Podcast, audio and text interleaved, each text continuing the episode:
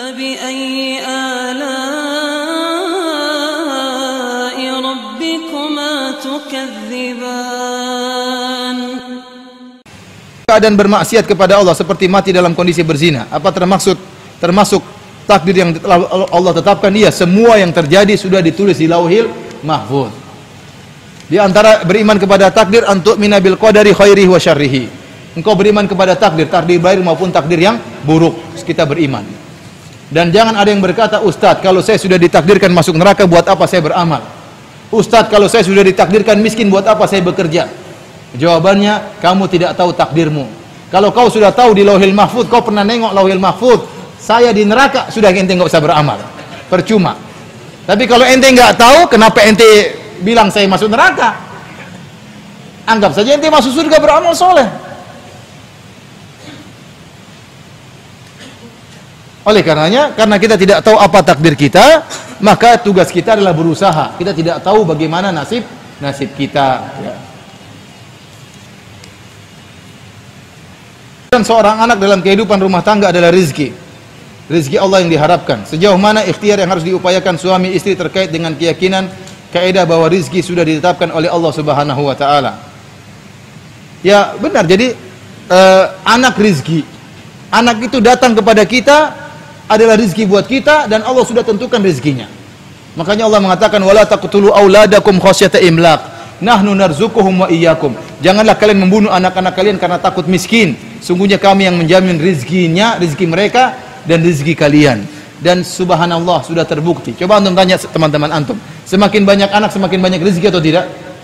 Saya tanya sama antum. Coba antum bandingkan waktu antum masih muda, masih belum punya anak dengan sekarang sudah punya anak. Mana rezekinya lebih lancar? Hah? Ini kenyataan saja kita survei. Coba antum ingat, sekarang yang punya anak tiga angkat tangan. Yang tiga dan di atas lebih daripada tiga. Saya bukan tanya istri tiga ya, anak tiga. Yang punya anak tiga dan lebih daripada tiga angkat tangan. Tayyib. Sekarang saya tanya, ya mungkin ada yang keluar dari kaidah, tapi saya tanya, coba dia ingat waktu dia belum nikah dengan punya anak tiga mana rezekinya lebih lancar? Setelah punya anak kan? Setelah nikah, setelah punya anak rezekinya pasti lebih lancar. Kenapa? Allah yang menjamin apa rezeki anaknya. Ini kenyataan. Semua saya ketemu orang, anak saya lebih banyak, rezekinya lebih lebih lancar. Ya terkadang memang tidak itu ujian berarti. Itu berarti apa? Ujian. Namun kaidah umum semakin banyak anak semakin banyak rezeki. Ustaz semakin banyak istri juga semakin banyak rezeki. Wah itu saya kurang tahu kalau itu. Karena banyak orang poligami ternyata tidak bertakwa, akhirnya rezekinya kacau juga. Harus bertakwa kepada Allah.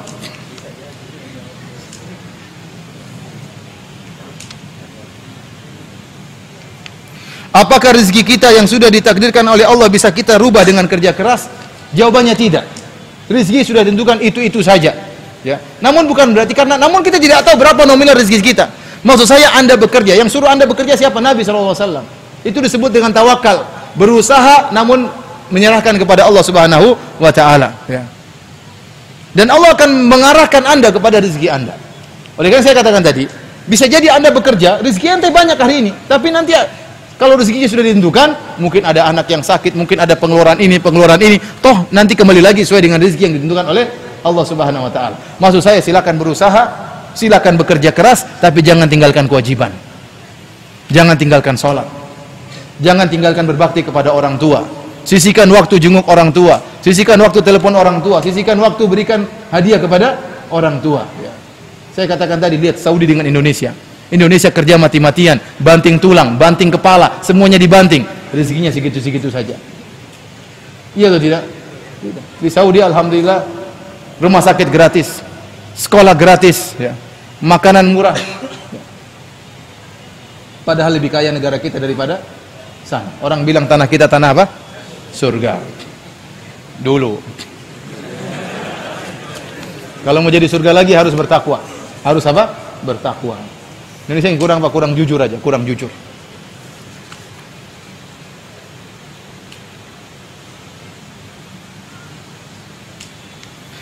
Ustadz, apakah dengan amalan puasa sunnah seperti puasa Senin Kemis, Yaumul Bid, rezeki kita bisa bertambah?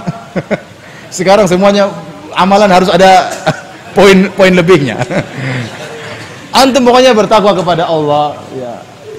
Insya Allah rezeki lancar. Yang penting maksudnya bertakwa dan bekerja. Jangan puasa doang tidak bekerja. pergi ke toko-toko jualan-jualan, waktunya sholat-sholat, rezekinya Allah atur. Kalau ingin puasa sunnah, alhamdulillah, ya. Ya, Yang penting sempat baca Quran tiap hari. Bagaimana seorang muslim lewat tidak ada satu halaman dia baca tiap hari. Orang muslim bagaimana? Jauh dari Allah Subhanahu wa taala. Baca Facebook berjam-jam kuat, baca WhatsApp ketawa ketiwi kuat, baca Quran baru setengah jam sudah ngantuk. Satu halaman sudah apa?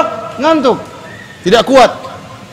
Maksud saya bekerja bekerja, mau puasa sunnah, mau sedekah, semua yang bertakwa, semua yang berkaitan dengan ketakwaan secara umum menambahkan rezeki kepada kepada kita. Namun jangan bikin uh, ingat puasa Senin Kamis tambah rezeki. Ya, ini tidak ada tidak ada dalil khusus, tapi dia secara apa? Secara umum bahwasanya ketakwaan itu menambah rezeki dari arah yang tidak kita sangka-sangka. Ustadz, apa yang harus dilakukan apabila dihadapkan dengan rezeki yang haram? Jika ditolak dikucilkan rekan kerja, biar aja dikucilkan rekan kerja. Biar aja dikucilkan rekan kerja. Ente makan yang haram, ya. Kulul kulul lahmin nabata an suhtin fannaru aula bihi. Setiap daging yang tumbuh dari hal yang haram, maka neraka lebih utama untuk membakarnya. Hati-hati jangan.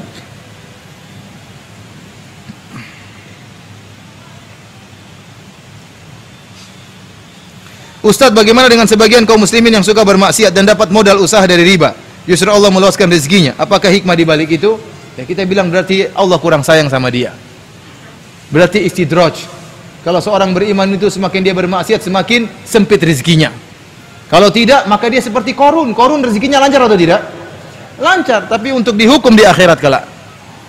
Ya, kalau Allah masih beri rahmat kepada dia, suatu hari dia akan sadar, alhamdulillah sebelum meninggal, meninggal dunia. Tapi kalau tidak sadar, meninggal dalam kondisi riba, meninggal dalam kondisi bermaksiat kepada Allah, maka mengerikan. Dia meninggal dalam kondisi ya melakukan dosa besar kepada Allah Subhanahu wa taala. Apakah boleh kepada orang-orang minta-minta eh, bagaimana cara bersedekah? Apakah boleh kepada orang minta-minta pengemis dan apa hukumnya Ustaz? Ya kalau antum tahu orang tersebut memang misalnya berhak untuk dibantu maka bantu. Contohnya ada orang buta minta-minta, dia buta buta beneran bukan buta buta palsu ya. Butanya beneran buta kelihatan, ya udah kasih aja. Ustadz ya untungnya banyak tiap hari lebih banyak daripada gaji saya. Ya sudah ente jangan hasad. saya tahu, saya tahu, saya pernah ketemu orang. Jadi orang buta ini ditemani oleh seorang. Dia dia, dia bagi rata, bagi 50 50%. Yang nemani orang nggak buta, nggak cacat, tapi yang yang jadi pusat perhatian yang cacat. Subhanallah. Orang buta ini istrinya juga buta.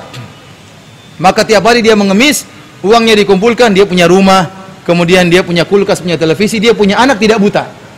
Dia punya anak tidak tidak buta. Nah, kalau antum tidak bantu dia, gimana cara dia, Pak? Kita kita tidak setiap saat mengharapkan pemerintah kita ya. Tidak setiap saat. Ya. Tapi kalau antum tahu ini ngemisnya bohong-bohongan, ya memang eh, tidak usah. Memang dia tidak punya uzur, masih muda mengemis. Buat apa masih muda mengemis? Suruh dia kerja. Suruh dia kerja. Tapi kalau benar-benar cacat maksud saya, ya. Benar-benar cacat, kakinya patah, anunya patah ya kasih aja lah. Ya, kasih aja lah. Ya kalau dia dapat rezeki, ya, terus dia mau kerja bagaimana? Karena tidak ada yang menjamin. Seharusnya ya dijamin oleh negara seharusnya.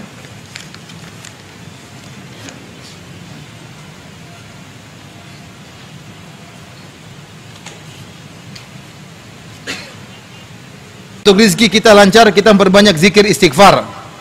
Iya benar. Dan perbanyak sholat duha. Adapun sholat duha tidak ada dalilnya secara khusus. Ya intinya sholat duha dan sholat-sholat yang lainnya termasuk dalam ketakwaan. Tetapi di antara hal yang memudahkan rezeki adalah istighfar, perbanyak istighfar. Oleh karena Hasan Al Basri rahimahullah pernah didatangi oleh seorang, oh Hasan Al Basri, rezeki saya kurang. Kata Hasan Al Basri banyak istighfar. Ada yang datang, wahai Hasan Al Basri, saya sudah lama menikah tidak punya anak. Kata Hasan Al-Basri, banyak istighfar. Ada yang mengatakan ya Hasan Al-Basri, kebun saya kering, tidak turun hujan. Kata Hasan Al-Basri, istighfar. Ya. Kemudian setiap orang nanya jawabannya apa? Istighfar. Dalilnya apa? Dalilnya dalam surat Nuh. Allah mengatakan Nabi Nuh berkata, "Faqultu astaghfiru rabbakum innahu kana ghaffara, yursilis samaa 'alaikum midrara wa yumdidukum bi amwalin wa banin wa yaj'al lakum jannatin wa yaj'al lakum anhara, ma lakum la tarjuna lillahi waqara wa qad khalaqakum atwara." Kata Allah Subhanahu wa taala, Nabi Nuh berkata kepada kaumnya, "Beristighfarlah kalian kepada Rabb kalian, niscaya Allah akan turunkan hujan yang lebat yang berkah." dan Allah akan perbanyak anak-anak kalian. Dan Allah akan perbanyak rizki kalian. Ini dalil bahwasanya istighfar mudah menambah anak-anak dan juga menambah apa rizki banyak istighfar. Kesulitan apa pun yang kita hadapi banyak istighfar karena tidak ada kesulitan, kesialan yang menimpa kita kecuali karena maksiat yang kita lakukan. Maka tidak akan terangkat kesulitan tersebut. Tidak angkat kesialan ter, terangkat kesialan tersebut kecuali kalau kita beristighfar dan bertobat kepada Allah Subhanahu wa taala.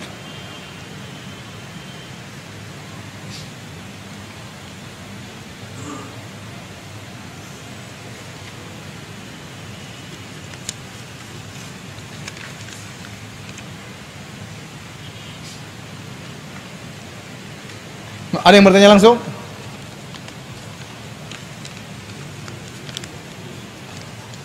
Kalau tidak ada jam kepada bank dalam rangka untuk mengembangkan bisnisnya, segera bertobat kepada Allah, segera lunasi secepatnya.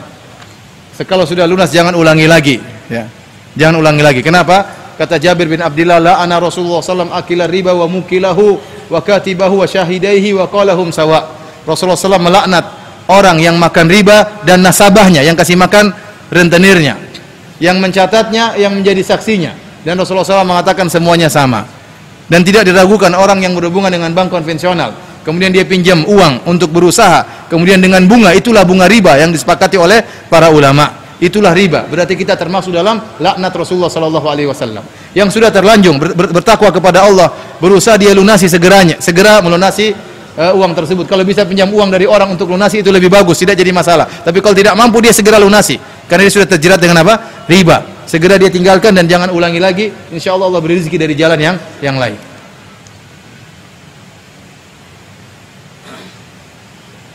Warahmatullahi wabarakatuh. Rezeki itu banyak ya. ya. Tetapi konotasi orang-orang tatkala mendengar rezeki maksudnya apa rezeki apa? Berupa harta. Sebenarnya segala kenikmatan itulah apa? Rezeki. Kesehatan itu rezeki yang mahal. Punya anak, punya istri, rezeki yang mahal. Ya. Diberi waktu luang itu rezeki yang mahal. Bisa beribadah itu rezeki yang mahal. Ya. Namun saya katakan tadi konotasi orang mereka menyangka namanya rezeki itu cuma sekedar apa? materi. Dan itu juga merupakan apa? rezeki. Itu juga merupakan rezeki. Oleh karenanya tatkala kita mengetahui rezeki itu bukan cuma materi, tetapi lebih luas segala kenikmatan itu adalah rezeki, maka kita lebih mudah untuk bersyukur kepada Allah Subhanahu wa taala ya. Kita lebih mudah untuk bersyukur kepada Allah Subhanahu dan sering, dan sering saya sampaikan, yang antum cari kebahagiaan di atas muka bumi ini. Ya akhi, bahagia tidak mesti kaya, bahagia tidak mesti kaya. Saya sering lihat ada supir yang lebih bahagia daripada majikannya. Ada supir, supirnya santai. Saya pernah dijemput sama orang supir ya. Waktunya dia pergi, Ustaz sebentar ya Ustaz, saya mau ke masjid ngapa? Salat salat apa? duha. Supir salat apa? Duha. Suami majikannya pusing mikir, wah ini masalah gini-gini. Supirnya santai-santai aja. Lebih bahagia apa? Supirnya. Maksud saya bukan berarti kebahagiaan pada kekayaan. Antum terkadang terkadang antum lihat foto pejabat, anti kasihan lihat dia betapa banyak wajah dia itu mengisyaratkan betapa banyak tanggungan, beban yang ada di benaknya. Mending ente jualan dagang di Tanah Abang. Iya. Sudah jualan laku pulang ke rumah makan bakso, pulang tidur lagi besok enggak terlalu banyak pikiran. Antum kira pejabat tidak banyak pikiran? Banyak pikiran. Meskipun dia kaya, meski, belum tentu dia lebih bahagia daripada daripada Anda. Belum tentu dia bisa baca Quran, belum tentu dia bisa sholat, belum tentu dia bisa ikut apa? pengajian, belum tentu dia bisa ketemu bercengkrama dengan istrinya, belum tentu. Terus bahagia dari mana? Belum tentu dia bisa melihat anak-anaknya, Ente masih bisa pulang pulang tiap hari lihat anak lihat apa? Istri. Apa itu bukan kebahagiaan itu rizki. Oleh karenanya antum yang penting cari rizki jangan lupa beribadah. Itu saja maksud saya. Intinya pengajian kita ini silakan cari rizki tapi jangan lupa waktunya sholat sholat, waktunya baca Quran baca Quran, waktunya ikut pengajian ikut apa? Pengajian. Rizki Allah yang atur yang penting berusaha. Silakan. Waalaikumsalam warahmatullahi. Kalau kita ingin tahu halal dan haram harus kembali kepada Al-Quran dan Sunnah karena tidak ada yang berhak menghalalkan dan haram kecuali Allah Subhanahu wa taala kecuali Nabi sallallahu alaihi wasallam taqulu lima tasifu alsinatukumul kadhiba hadza halalun wa hadza haram kata Allah janganlah kalian mengucapkan dengan perkataan dengan lisan kalian yang dusta kalian mengatakan ini halal ini haram litaftaru Allahil kadhib karena kalian berusaha atas nama Allah oleh karenanya barang saya mengatakan halal atau haram ternyata tidak ada dalilnya berarti dia telah berusaha atas nama Allah Subhanahu wa taala nah sekarang kita bertanya Musik haram atau tidak? Kita cek. Dalam Al-Quran ada atau tidak? Dalam hadis ada atau tidak? Ternyata dalam Al-Quran Allah sebutkan dalam surat Luqman.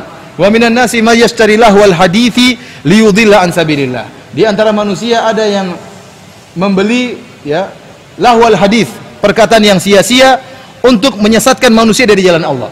Para sahabat menafsirkan yang dimaksud dengan perkataan sia-sia adalah lagu yang disertai dengan musik. Lagu yang disertai dengan apa? Musik. Dalam Sahih Bukhari Rasulullah SAW mengatakan, La yakunanna aqwamun min ummati yastahiluna al-hira, yastahiluna al-hira wal harira wal khamra wal ma'azif. Akan ada dari umatku suatu kaum yang mereka menghalalkan zina, menghalalkan kain sutra bagi lelaki, menghalalkan khamr, bir dan menghalalkan alat-alat musik. Oleh karenanya empat madhab, ya, baik madhab Hambali, baik madhab Syafi'i, baik madhab Maliki, ya, baik madhab Hanafi semuanya mengharamkan musik dan ini ijma. Antum buka buku fikih Syafi'i, buku apa saja, mau kitab Al-Um karangan Imam Syafi'i atau kitabnya Imam Nawawi, Majmu' Syarah Al-Muhadzab atau kitab-kitab yang lainnya. Kalau mereka sudah bahas alat musik mereka haramkan. Oleh karena Imam Syafi'i dalam kitab Al-Um mengatakan, jika ada orang kafir masuk di rumah kita, kemudian curi alat musik, maka tidak boleh dipotong tangannya. Kenapa? Hukumnya sama seperti dia mencuri homer dari rumah dari rumah kita. Hukumnya sama dia mencuri babi dari rumah kita. Imam Syafi'i menyamakan antara babi, khamr dan alat musik hukumnya sama sama-sama haram. Kalau dicuri maka tidak boleh pencurinya dipotong tangan. Karena dia mencuri barang yang haram. Demikian juga Imam Syafi'i mengatakan kalau ada orang dalam kitab Al-Um, kalau ada orang seorang masuk di rumah seseorang, kemudian seorang muslim dimasuki oleh orang kafir, kemudian ada alat musik dia hancurkan, maka tidak boleh diminta ganti rugi. Kenapa? Karena dia telah menghancurkan peralatan yang yang haram. Makanya kalau antum masuk misalnya di toko-toko alat musik, antum hancurkan, kemudian antum bawa perkataan Imam Syafi'i. Ini al-um, Imam Syafi'i mengatakan tidak usah diganti. Iya, tidak usah diganti tapi ditangkap polisi ya. Para hadirin Allah Subhanahu wa taala, saya mungkin antum kaget, ada sebagian antum kaget kok musik haram. Saya pun kaget seperti antum. Saya dulu pemusik, saya juga dulu main-main band. Saya tiap hari tidak bisa tidur kecuali dengar musik, kecuali main musik. Dan tidak mudah untuk melepaskan, tapi tatkala saya itu hukumnya haram, saya tahu hikmahnya benar. Orang yang main musik pasti lalai. Pasti lalai. Dan apa musik-musik? Taruhlah musik itu halal. Taruhlah musik halal. Untuk melihat. Musik yang tersebar apa sih? Isinya cinta-cinta, suami istri, ditinggal kekasih, kemudian nunggu pacar, nunggu cewek. Semua itu isinya gitu cuma. Di mana? Di mana mau jihad kemudian tunggulah ini mau jihad gimana joget-joget dulu nggak nyamuk oleh karenanya bikin orang lemas bikin orang loyo bikin orang cengeng itu semua gara-gara apa? Aslinya akhirnya istri pun tidak mau dipoligami gara-gara apa? Terlalu banyak nonton apa? Dengar-dengar musik-musik seperti itu. Mau saya ya ini bercanda. mau saya kenyataan isi musik seperti itu. Apa yang ente harapkan? Coba ente cari musik Islami berapa persen sih? Musik Islami nggak sampai satu persen itu pun orang malas dengar. Mana musik Islami dibandingkan dengan Bon Jovi, dengan Axl Rose? Nggak ada apa-apanya, nggak enak sama sekali. Orang lebih tertarik dengan musik-musik yang yang hebat-hebat. Maka kalau kita bilang musik pun asalnya haram, kebanyakannya juga apa? Haram. Apalagi musik hukum asalnya apa? Halal. Kemudian kita pun bertasyabuh dengan orang Nasrani. Orang Nasrani beribadah dengan alat musik dan kita tidak boleh bertasyabuh dengan orang Nasrani terutama dalam peribadatan. Dan semua ulama mengharamkan Imam Syafi'i, Imam Nawawi, Ibnu Hajar Al-Haytami dalam kitabnya Az-Zawajir an Kabair, peringatan terhadap dosa-dosa besar. Dia masukkan main musik dalam dosa besar. Dia masukkan musik dalam dosa. Saya dulu tiap hari main musik dungdang dungdang dungdang sama cewek-cewek macam dungdang kemudian azan duhur saya berhenti. Saya rajin sholat waktu itu. Beneran nih saya tidak bohong. Jadi begitu mau jalan sholat eh berhenti berhenti. Saya sholat dulu. Sholat hati ini hancur. Gimana nanti? Ente mau khusyuk sholat baru? Gini gini nggak bisa ente mau. Hati hancur dipenuhi dengan apa? Musik. Dia ente mau nangis sementara nanti ente isinya drum band dan macam-macamnya.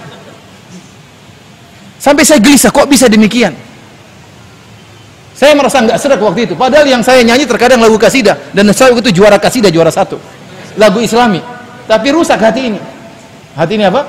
Rusak. Bagaimana kalau saya nyanyi lagu-lagu metal, lagu rock and roll, rock jazz dan macam-macamnya? Yang tadi saya katakan musik itu kebanyakannya rusak. Oleh karenanya kalau dia haram wajar-wajar saja. Wajar-wajar saja. Apalagi musik itu sendiri hukumnya apa?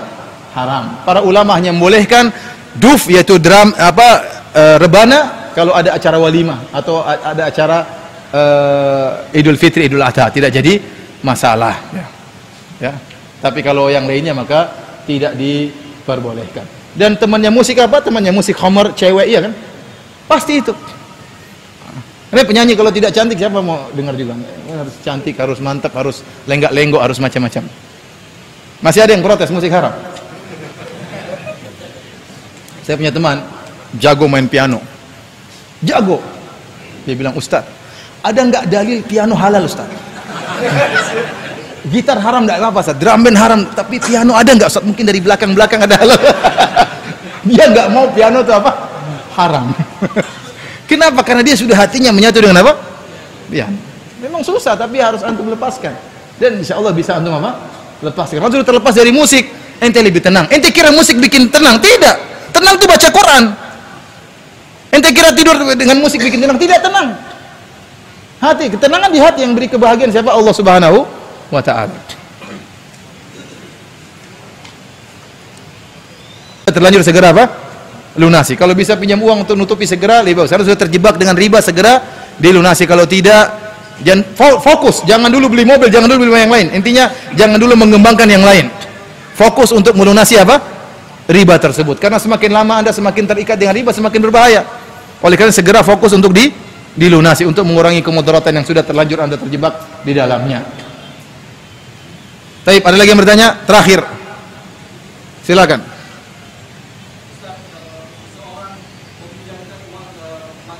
Terus? Terus? Terus? Uh, ya terserah dia. Ya. Dia niatkan, niatkan ikhlas ya. Terus temannya bayar. Ya. Kalau dia terima berarti sudah tidak dapat pahala. Dia kan niatnya tadi ingin mengikhlaskan. Ya. Kalau dia terima dia tidak berdosa, dia tidak apa? Berdosa. Tapi dia tidak mendapatkan ganjaran melunaskan utang saudara. Di antara dalam hadis Rasulullah SAW mengatakan, wa ahabul a'mali ila Allah dan amalan yang paling dicintai oleh Allah Subhanahu wa taala sururun tudkhiluhu fi qalbi muslim, yaitu rasa senang yang kau masukkan dalam hati seorang muslim. Di antaranya au taqdi anhu dainan atau kau lunaskan hutangnya. Di antara amalan yang mulia, kita melunaskan hutang teman kita atau kita mengurangi hutang teman kita. Harusnya teman kita hutangnya 100 juta sama kita, kita bilang bayar aja 70 juta. 30 juta saya ikhlaskan. Nah, kalau ternyata dia bayar semua, kita terima semua, berarti pahala tersebut hilang. Tapi kita dapat pahala niat. Kita dapat pahala niat bukan pahala amalan. Saya pernah punya utang sama teman saya orang Saudi. Lagi perlu waktu itu. Teman saya waktu safar, saya telepon ya akhi, saya butuh uang. Saya nggak tahu pinjam ke mana. Saya tidak punya kenal waktu itu ya. Maka teman saya bilang ya sudah, ada ada uang, ada uang.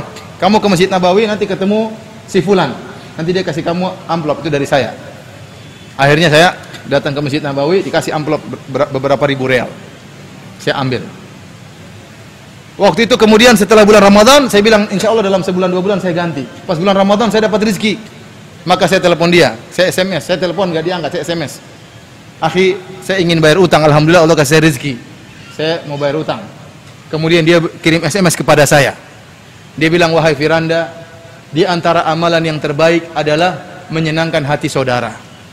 Dan saya senang kalau kamu terima uang tersebut sebagai hadiah dari saya. Karena kau telah menyenangkan saya. yang menyenangkan siapa ini ceritanya?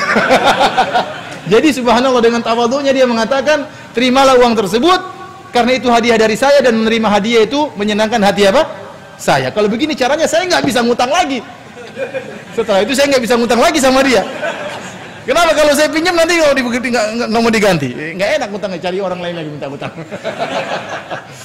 Demikian saja para hadirin Allah Subhanahu wa taala kajian kita. Jangan lupa cari rezeki silakan, perhatikan anak istri, jangan lupa beri hadiah buat orang tua, buat bapak ibu, jangan lupa telepon tante, telepon paman, telepon bibi, adik-adik, kakak ditelepon semua kasih hadiah. Ini menambah rezeki, cari rezeki dan jangan lupa beribadah kepada Allah Subhanahu wa taala. Wabillahi taufik wal hidayah. Assalamualaikum warahmatullahi wabarakatuh.